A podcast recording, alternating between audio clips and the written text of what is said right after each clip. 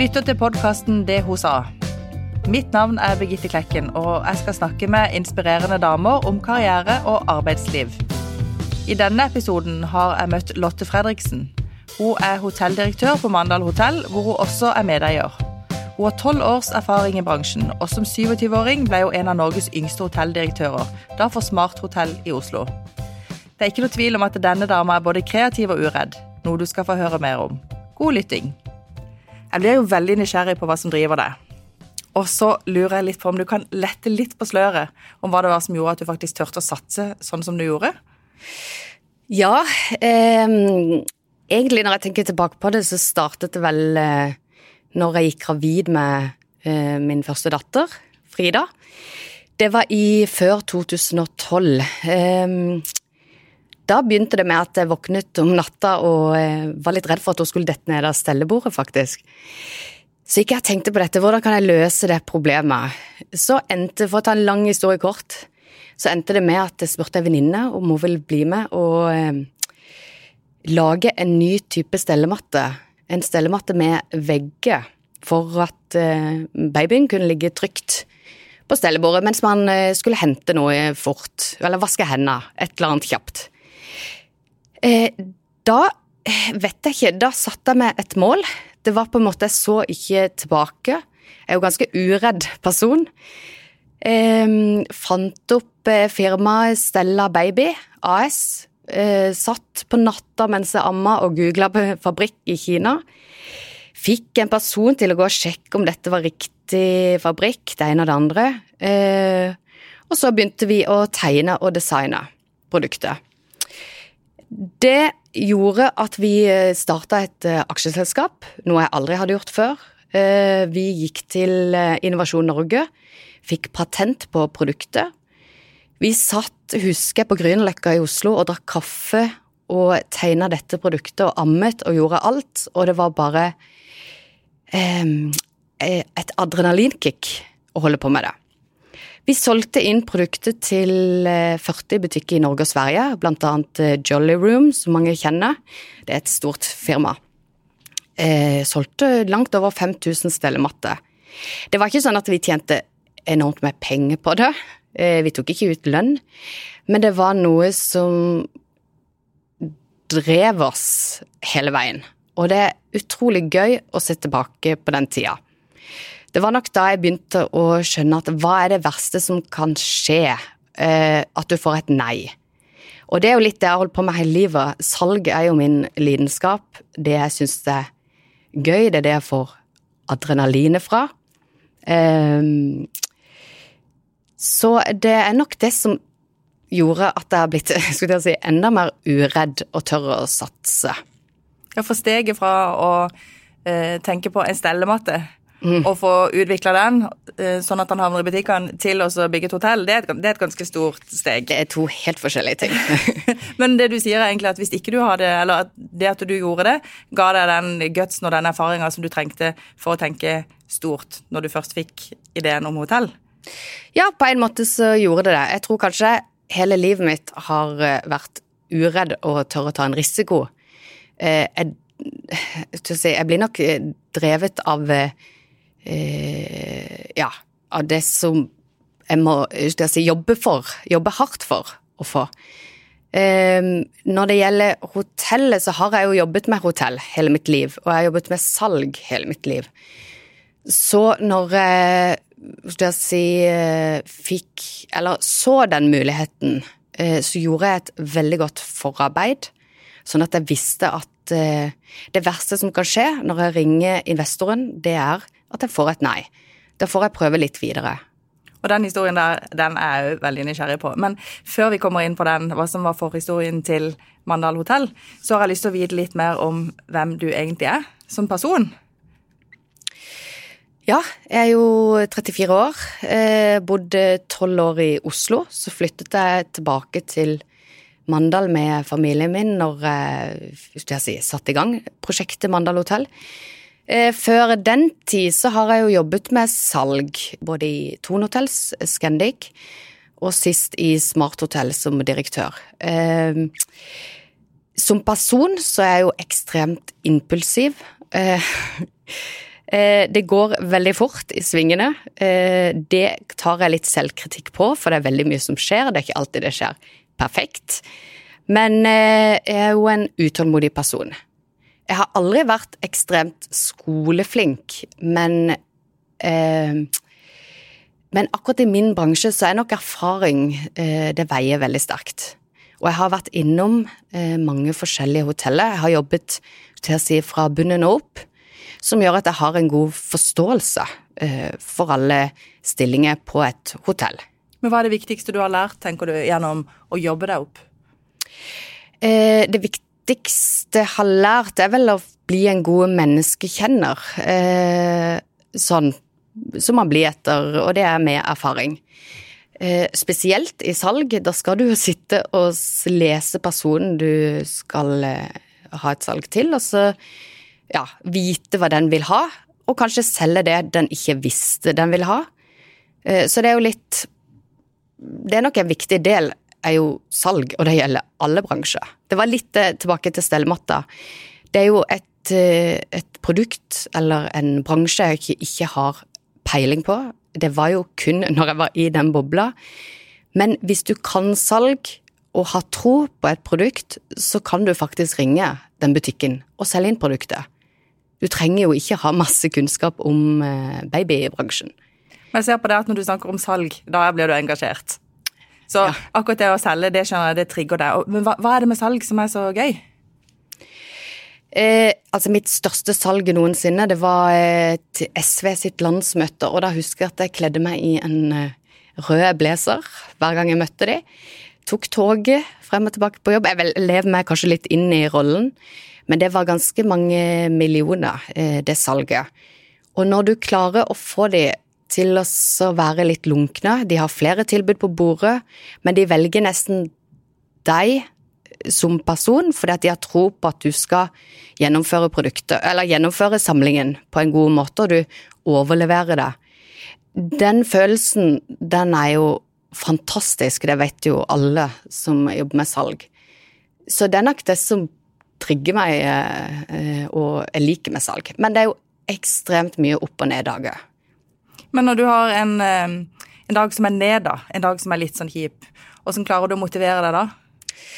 Nei, Det er ganske tungt når det er en neddag og litt sånn perioden vi er i nå. Det er tungt. Men eh, jeg har jo akkurat nå for tiden så har jeg en fantastisk mentor som er min som er investor.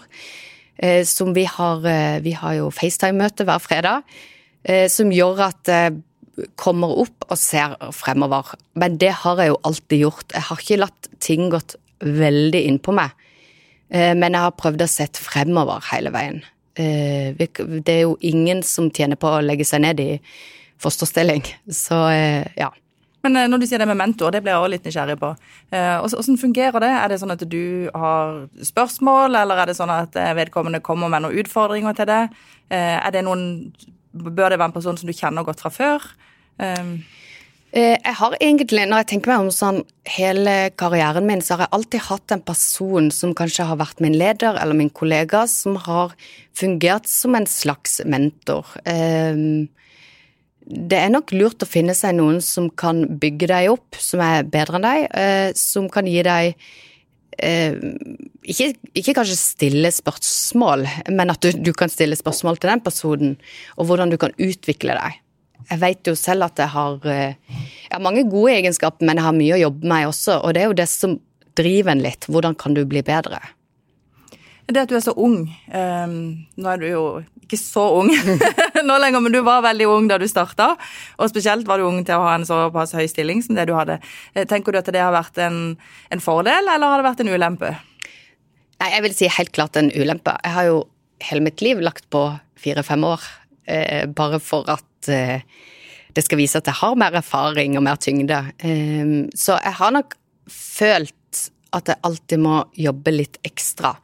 Men det kan jeg si at jeg følte ekstremt på når jeg holdt på med dette prosjektet, for da var det meg og fem-seks menn som satt i disse byggemøtene.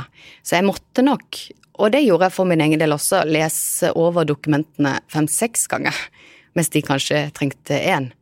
Sånn at jeg prøvde å sette meg godt inn i saken. Det var jo en å, bygge et hotell, det har jeg jo ikke gjort før. Nei, og Da kan vi jo kanskje snakke litt om, Ja. om akkurat det. For det, Jeg leste et intervju med deg tidligere hvor du forteller om at du var byggherre. Du hadde altså både ideen og var byggherre, og nå, byggherre, og nå er du eh, direktør og deleier. Men hvordan starta det? Hvordan, hvordan kommer man på å bygge et hotell? Det, eh, det var rett og slett fordi eh, når vi bodde i Oslo, så var vi jo, som alle sørlendinger, så drar man jo til Sørlandet på sommeren. Ja, For du er fra Mandal. Ja, jeg er fra Mandal. Så dro vi til Mandal hver sommer. Eh, og på et eller annet tidspunkt så visste jeg at den tomten ved siden av Kulturhuset var til salgs, og det var regulert til å være hotell. Så gikk jeg med det i bakhodet, og da fikk jeg jo mitt andre barn. Nå skal ikke jeg ha flere barn, for det er mye som skjer i de kjedelige kjedsomhetene der. Men eh, da eh, fikk jeg Saga, og eh, i den perioden så satte jeg meg ned og lagde prosjekt Mandal hotell. Det var egentlig bare en Hvordan jeg kommer på det, det er litt vanskelig å si. Men tenkte jeg- du da at det kom til å bli noe, eller tenkte du bare at det var litt sånn tidsfordriv å leke med tanken? Jeg tror eh, når jeg er inne i en sånn eh, periode, så har jeg 100% tro på at det skal bli noe. Eh, hvis ikke så tror jeg ikke jeg hadde klart å holde på med det. Men hvor lang tid gikk det fra du fikk ideen til du nevnte det for noen? Um, det tok jo veldig lang tid Altså, de nærmeste visste det. Eh, men jeg tok det ikke ut over det, for det er jo alltid litt sårt hvis ikke det går. Så jeg har alltid bare holdt det til de absolutt nærmeste sånne ideer. Eh, men det var en lørdag jeg satt og leste Finansavisen, og så ser jeg Svein Støle på midtsiden, så vi har ofte kalt han midtsidepiken der han var. Så visste jeg visste ikke så mye om han, jeg visste at han kom fra Mandal. Og jeg tenkte at den som er investor på prosjektet, den må ha eh, til å si, en tilknytning til Mandal. Du må forstå Mandal, og du må forstå markedet. Så gjorde jeg et ganske god grunnarbeid. Jeg fant eh, på en måte drift, lagde driftsbudsjett, byggekostnad, eh, hvor mange rom skulle det ha, det ene og det andre. Så ringte han. Kjente du han fra før, eller? Nei, jeg gjorde ikke det. Så jeg ringte kontoret hans. Det er sånn det fungerer. Ja, Sånn ringer man da. Så ringer du og sier sier, hei, Lo- hei, jeg har lyst til å ha ti minutter med Svein Støle. Jeg skal presentere en idé om Mandal hotell. Eh, fikk eh, maile han tilbake at det er greit, du får ti minutter. Kom eh, torsdag. Dette var mandag. Og da satt du i Oslo eller i Mandal? Jeg satt i Oslo. Ja. Så eh, kommer jeg ned, får ti minutter. Da er man jo ganske nervøs. Men på en annen side så er han en veldig jordnær, hyggelig, hyggelig mann. Så det var ikke så vanskelig som jeg hadde tenkt. Men da hadde jeg gjort et godt forarbeid. Det er litt viktig å få med. Eh, Jeg viste presentasjonen, hvor mye det skulle koste, eh, og litt om min CV. Eh, Ja. Så sa han vanligvis så sier jeg alltid nei, for jeg får mye av disse henvendelsene. Men du skal få lov til å få 15 minutter til på et nytt møte. Så gikk jeg hjem, jobba litt videre med prosjektet. Hvordan, hvordan følelse hadde du i, i kroppen da? Nei, da er man jo bare spent. Hva betyr det? Så, eh, og så er det jo snakk om ganske mange millioner. Eh, gikk hjem, fikk et nytt møte, og så sa han da på slutten av det møtet at eh, det er greit, jeg er med. Og hva tenkte du da? Nei, da eh, jeg, jeg tror Jeg nesten ikke husker, men jeg husker jeg gikk hjem og åpna en champagne. Tok et glass champagne. Så eh, det var eh, fantastisk. Den tiden der var jo bare helt vilt. Så da sa jeg det til mine foreldre, og, men jeg sa det ikke til mange. For da visste jeg at da skal vi inn i en prosess hvor, vi skal, hvor kommunen skal ha det ut på anbud. Så vi er jo én, vi veit jo fortsatt ikke om vi vinner. Så det var en ganske lang og sånn tålmodighetsprøve den tiden der for å, å se. Og så endte det med at vi vant prosjektet. Så eh, ja. Og hvordan går man frem da? Da har du fått eh, med deg en investor på laget, du har lagd planer, og så skal du begynne å finne ut av hvordan det kan realiseres. Hvordan skal dette hotellet se ut? Og Ja. hvordan er prosessen da? Nei, da, eh, da hadde jeg noen kontakter, så da fikk jeg en eh, teknisk prosjektleder eh, til å holde i prosjektet. Jeg kan jo ikke mye om å skulle jeg si få til et bygg generelt, så det er viktig at vi har en person vi stoler på og kan følge med på hver detalj. Eh, så gikk vi jo ut på anbud med arkitekt og entreprenør og litt sånn forskjellig. Eh, jeg satt jo ved siden av Sven Støle på kontoret på Pareto i den perioden, så jeg ble jo godt kjent med de han satt sammen der, og det var jo Altså, når jeg gikk opp de trappene, det sitter jo ganske mange personer der, og inn på kontoret, så tror jeg de lurte på hva i all verdens land jeg hadde klart, siden jeg hadde fått hjørnekontoret ved siden av Svein Støle. Ja, Åssen ble du mottatt i, i, i, hans kretser? Eh, nei, veldig, veldig bra. De tar meg seriøst. Eh, nei, jeg har ingenting å si på det. Eh, veldig bra. Nå, veldig, nå, forholder jeg meg jo ikke så mye til de nå lenger, men det var jo oppstartsfasen, så satt jeg der. Du, du har sagt i et annet intervju at eh, du opplever at det er litt forskjell på å være ungene i arbeidslivet i Oslo og i, eller på Sørlandet, og kanskje spesielt i, i, Mandal, som ikke er så stor. Kan du si litt om, om det? For nå, i, i den prosessen der, så forholdt du deg jo både til Østlandet ja. profesjonelt og til Mandal. Til Mandal, ja. Eh, jeg så bare, jeg måtte bare se litt på statistikken, for jeg var med på en Agder-konferanse her for noen år siden hvor de snakka mye om dette med skal jeg si, arbeid av kvinner og Sørlandet. Så så jeg at eh, Agder er faktisk lavest i landet ennå, med 32 eh, kvinnelige ledere, mens Oslo er på 40 Eh, hvorfor skal ikke jeg svare på, men jeg tror nok kvinner i Oslo er litt tøffere. Eh, litt mer uredde. Eh, kanskje det har med å gjøre hvordan man prioriterer hjemmet. Eh, alt dette her. Det er en litt annen holdning her på Sørlandet. Mm. Men hvorfor, det, det, skal ikke jeg uttale meg om. Men, eh, men har du møtt noen fordommer, f.eks. For på, på Sørlandet? Det følte jeg veldig på i starten, at Eh, at man på en måte nedprioriterer barna, eksempel. Noe man ikke trenger å gjøre. Men jeg syns det har blitt bedre med årene. Eh, men jeg tror nok vi har en god vei å gå. Og så skal jeg stille deg et spørsmål som jeg er nesten litt usikker på hvordan jeg skal si det, for at ikke det skal høres som at jeg har fordommer. Men syns ja. du at den balansen kan være vanskelig, da, mellom det å være 100% dedikert til jobb og samtidig drive en, en familie? Nei, jeg tenker hvis menn klarer det, så hvorfor skulle ikke kvinner klare det? Det handler om prioriteringer hjemme. Begge må være skal jeg si, begge må jo være enige om at eh, de ønsker å jobbe mye, og de liker jobben sin. Eh, så jeg kan ikke se at det skulle være noe problem, så lenge man er enige.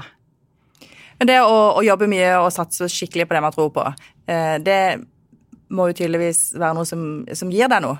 Hva, hva, gir det deg, den, den, jobben du har nå, og det du har fått til? Hva får du ut av jobben? Åh, oh, Det er fantastisk. Jeg har alltid vært en, eh, en, ansatt, og jeg har alltid følt et eierskap der jeg har jobba. Gjort alt jeg kan for at eh, bedriften skal gå bra, eller gjøre det jeg kan gjøre. Men når du er medeier, så er det jo på en måte noe noe helt annet. Det som driver meg nå, og som er fantastisk å se, det er jo at de eh, ansatte på hotellet har et eierskap. Og det føler jeg at vi har klart med å gi dem mer ansvar. Jeg har fantastiske mellomledere som tar det ansvaret og viser et eierskap som jobber som om alle skulle eid Mandal hotell. Og hvordan vi har klart det, det er jeg litt usikker på, men det, den følelsen der er jo ja. men Kan ikke du beskrive en, en arbeidsdag, en vanlig arbeidsdag for meg? Det kan jeg ikke gjøre, for mine arbeidsdager er så forskjellige. Den ene dagen så går jeg og klipper plenen utenfor. Den andre dagen så eh, sitter jeg og leser noen eh, dokumenter. Den tredje dagen så eh, går jeg med kaffe til kurs- og konferansegjestene. Det er veldig forskjellig. Vi jobber litt som potet, og det tror jeg alle moderne ledere gjør. Litt for å vise alle ansatte på en måte, Det er det du gjør. Hvis du ser et papir når du går inn innganger, så tar du det opp, for da gjør de andre også det. Hvis du går forbi det, så, så blir det litt liggende. Så eh, en vanlig dag er litt vanskelig å beskrive. Eh, ja. Du, når du ansetter, Hva, slags type kvaliteter er det du ser etter sjøl, da? Eh, jeg ser veldig ofte etter om det er en kjemi der. Eh, om personen kan passe inn i teamet sammen med de andre. Om personen har eh, litt, skulle jeg si, lest seg litt opp på bedriften. Ikke det at du skal kunne alt, men det betyr at du er interessert i å jobbe der, du har lyst til å jobbe der. Eh, så det er nok mye det vi veier. Og hvis de skulle beskrive deg som sjef, hva tror du de ville ha sagt da? Eh, nei, det, uff, det vet jeg ikke helt, men jeg, jeg kan jo si at jeg, jeg, føler jo kanskje ikke pedagogisk riktig Altså, pedagogisk riktig leder er nok veldig tydelig, direkte. Eh, men jeg har også blitt veldig mye bedre på å gi mer og mer ansvar til mellomlederne, som gjør at, eh, at de kan styre sine ansatte hvor mange, mer. Hvor mange ansatte har du nå? Vi er oppe i 70 ansatte, eh, men vi har jo 35 eh, årsverk. Ja. Mm. Du, så tenker jeg på um, når du ikke jobber. Når du liksom skal slappe av og hente deg inn eller få energi. Hva, hva gjør du da? Jeg er veldig glad i å jogge, eh, så det gjør jeg mye. Prøver å trene så mye som mulig. Nå har jo jeg kjent veldig på den korona, koronaperioden at jeg har jobba mye med tålmodigheten min, for jeg kjeder meg enormt lett. Uh, men det har man måttet lære seg i denne perioden. Uh, så jeg har nok blitt flinkere på å faktisk slappe av. så jeg er veldig glad i å, å høre på podkast selv. og lese bøker. Du hadde tips til en podkast? Jeg hadde et tips, ja. ja. Stormkast veldig bra podkast med Valle Broch og, og, Petter Stordalen. Og så er du glad i å lese? Jeg er glad i å lese krim. Og jeg er jo glad i å se på krim også. Og så er det jo sånn at det er jo litt tøffe tider, som vi snakker om med korona og sånn. Hva er status hos dere nå? Eh, nå har jeg permittert tolv personer eh, nå. Eh, vi har oppe, vi har valgt å holde oppe, eh, i hvert fall ut året. Eh, men det er jo status er at det er mye avbestillinger. Folk er jo redde, så de får jo beskjed om å holde seg hjemme, så da er det jo forståelig at de gjør det. Eh, der i disse, altså i disse tider så tenker jeg selv eh, veldig glad for jeg har eh, Svein Støle, eh, hvor vi velger å se vekk fra 2020. Vi bare glemmer det. Vi går videre. Vi ser fremover. Hvordan kan vi selge mer i 2021? Eh, Altså, hvordan kan vi jobbe videre uten å legge oss ned og begynne å grine, som de fleste har lyst til i disse tider? Du, tusen takk for at du ville dele både historie og inspirasjon med oss. Så må jeg bare ønske deg lykke til og håpe at eh, vi håper jo alle at det kommer en vaksine som kan gjøre at livet kan gå litt, kan gå litt videre mm. uten korona. Ja. Takk skal du ha. Takk skal du ha. Du har lytta til Federlandsvennens podkast 'Det hun sa' med Birgitte Klekken. Har du tips til andre bra damer vi bør snakke med, eller har du lyst til å dele inspirerende erfaringer fra ditt arbeidsliv? Ta kontakt på dethosa1fn.no.